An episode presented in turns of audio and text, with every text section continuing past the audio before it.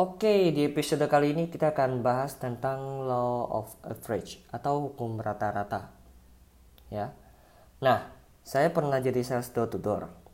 Oke, saya melakoninya itu pas saya bergabung di salah satu perusahaan MLM yang di zaman saya itu sangat-sangat fenomenal sekali. Kalau saya sebutin namanya Anda pasti tahu. Ya. Tapi kita nggak sebutin namanya ya Oke, kemudian nominal komisinya itu sangat bersaing waktu itu. Sehingga saya sering kali itu harus bekerja lebih dari 60 jam seminggu hanya untuk mengejar komisi yang gak terlalu jauh berbeda sebenarnya. Ya, tapi sekarang saya bersyukur karena pernah berada di perusahaan itu. Sebab dari situ itu saya mendapatkan satu konsep yang mereka berikan, konsep yang sangat kuat yang sudah membawa saya berhasil di sebagian besar kehidupan saya. Anda pernah dengar hukum rata-rata atau biasa disebut dengan law of average? Saya nggak tahu Anda sudah de pernah dengar apa belum. Saya cerita sedikit soal pekerjaan saya dulu untuk memberikan gambaran kepada Anda agar uh, Anda bisa paham ya apa hubungannya semua ini dengan Anda. Saya dulu pernah sebagai sales menjual suplemen kesehatan. Oke, jadi produk saya itu dulu suplemen ya. Sebut saja namanya bunga. Bukan bunga ding uh, sebut saja namanya obat-obatan herbal. Ya, saya akan menghabiskan sebagian waktu saya dulu untuk mengunjungi rumah prospek satu persatu untuk mencari customer yang potensial. Ya, kayak tukang keliling, tukang obat keliling gitulah ya. Ada tiga macam spesies customer yang akan saya jumpai setiap hari biasanya. Oke, spesies pertama adalah spesies pada umumnya saya namakan itu hard difficulty customer. Jadi kalau misalkan kayak lagi main game ada level hard, medium sama easy. Nah ini yang hard. Mereka itu adalah tipikal pelanggan yang sangat keras kepala. Mereka mencintai suplemen yang sedang dan telah lama mereka konsumsi saat ini. Jadi mereka itu udah punya produk. Ya, mereka udah punya produk, mereka udah punya suplemen yang udah lama banget dikonsumsinya sampai detik ini dan mereka itu biasanya tidak akan memberikan Anda kesempatan untuk pitching kepada mereka. Jadi Anda jangan coba-coba jualan kepada mereka. Bahkan kalau misalkan Anda berkunjung ke rumah mereka, eh, Anda ketuk pintu saja itu dari jauh mereka udah bisa mencium, wah ini bau sales nih katanya. Langsung diusir. Ya. Ya benar, mereka adalah tipikal yang akan mengusir Anda dari rumah mereka dengan uh, membicarakan bahkan ya, ini dengan cara membicarakan segudang testimoni orang lain yang juga menyukai suplemennya.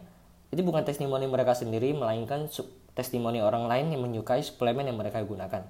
Kan ngeselin ya. Nah kalau bisa ketemu spesies seperti ini, hanya penjual atau salesman yang jam terbangnya itu udah tinggi, yang udah pro, yang akan bisa closing mereka.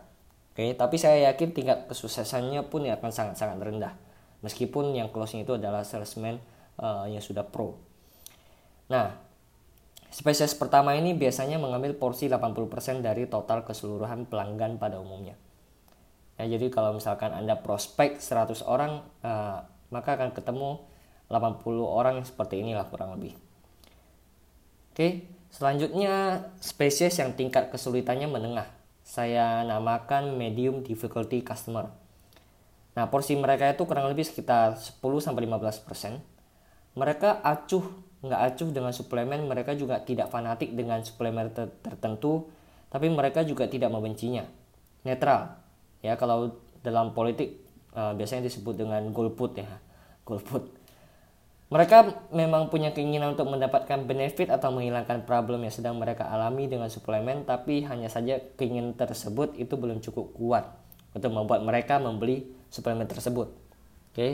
Nah, mereka ini bersedia mendengarkan pitching dari salesman yang jago. Ya, kalau uh, kalau dari uh, pitching dari salesman yang tidak jago-jago amat uh, akan ada beberapa dari mereka yang bersedia mendengarkan. Oke, okay, biasanya kalau hoki ada beberapa dari mereka kita bisa closingin. Tapi kalau untuk salesman yang newbie jangan berharap bisa closing mereka. Pasti akan mental. Ya. Kemudian spesies terakhir adalah easy customer Oke, ini yang paling enak. Mereka ini spesies langka, tapi belak-belakan. Kalau beli ya beli, enggak ya enggak. Karena mereka itu memang sedang mengalami masalah dengan suplemen yang sedang mereka konsumsi dan memang sedang mempertimbangkan untuk ganti suplemen. Oke, kalau misalkan Anda hari ini adalah seorang sales yang on sekalipun, tapi ketemunya sama easy customer seperti ini, yakin deh, closing rate-nya itu tetap akan tinggi. Ya, mereka itu seolah-olah berteriak shut up and take my money ya mereka ya beneran kayak teriak seperti itu loh. Ya nunggu kita closingin mereka. Oke? Okay? yang yang perlu anda lakukan itu hanyalah terus mengetuk pintu terus prospek tidak ngecheat ya. Dan kemungkinan anda ketemu easy customer seperti ini akan semakin tinggi. Probabilitasnya itu akan semakin besar. Oke? Okay? di hukum rata-rata itu menyatakan uh, kemungkinan peristiwa-peristiwa tertentu itu akan berubah kalau frekuensinya ditingkatkan. Yang artinya kalau misalkan saya menghabiskan seharian waktu saya ketemu dengan hard customer, maka saya sudah tahu saya nggak boleh putus asa. Oke, karena memang seperti itu hukumnya.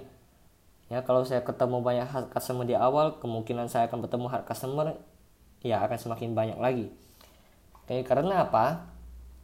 E, karena kalau saya terus terus ngetuk pintu nih dan prospek, maka saya akan ketemu seorang easy customer dengan perbandingan yang adil. Make sense? Ya. Ingat hukum rata-rata atau law of average. Saya ingat awal saya mulai mempraktikkan hukum rata-rata ini, saya komitmen prospek tanpa bolong selama tujuh hari ke depan. Saya putusin waktu itu, ya udahlah saya coba tujuh hari ke depan. Ya, saya mulai prospek ke sana kemari uh, sampai di hari kelima masih jong ya gila kan? Sampai ke hari kelima itu saya udah prospek sehari kurang lebih 5 sampai 10 orang dan hari kelima itu masih saya jong.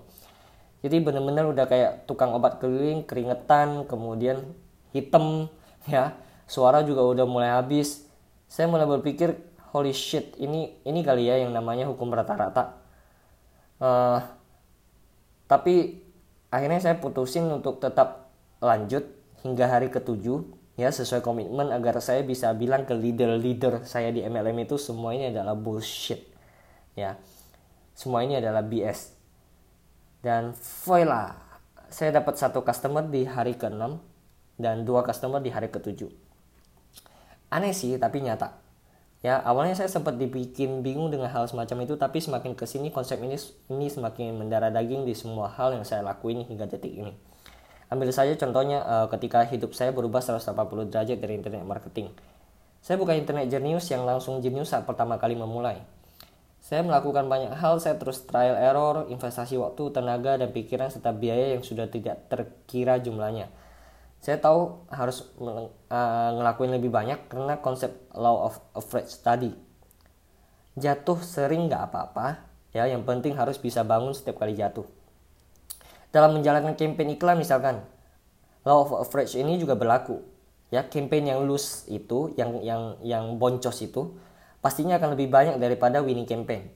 Hanya saja ketika kita menemukan satu winning campaign tok ya, itu sudah bisa mengcover beberapa campaign kita yang sebelumnya yang loose. Oke.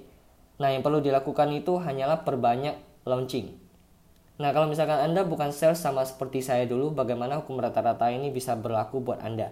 Jadi gini, tidak peduli goal apa pun yang ingin Anda capai, Anda pasti akan bertemu dengan seabrak penolakan yang sadis dari hard customer.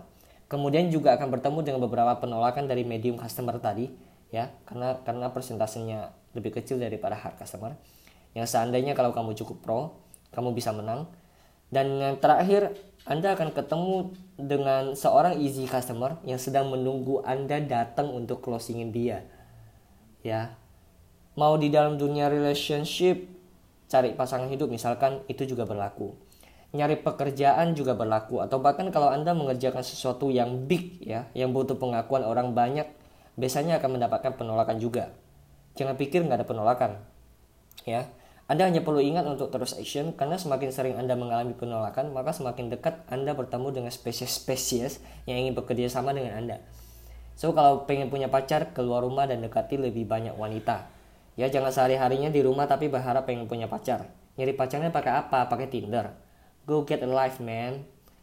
Ya kalau pengen punya pekerjaan yang diinginkan, apply lebih banyak tempat dan kalau pengen uh, punya pengakuan misalkan untuk sesuatu yang kamu bikin, keep doing ya bikin lebih banyak nah hidup itu seperti permainan angka kalau saya bilang ya peluang menang itu tidak pernah berpihak sama kita odds always against us ya we always against the odds oke okay? Tapi peluang tersebut akan meningkat kalau kita terus bermain. Ingat, peluang tersebut akan meningkat kalau kita terus bermain. Jadi tidak perlu takut dengan penolakan karena itu adalah bagian dari permainan. Oke, baiklah sekian untuk episode kali ini. Uh, I will see you in the next episode. Jangan lupa marketing hari ini.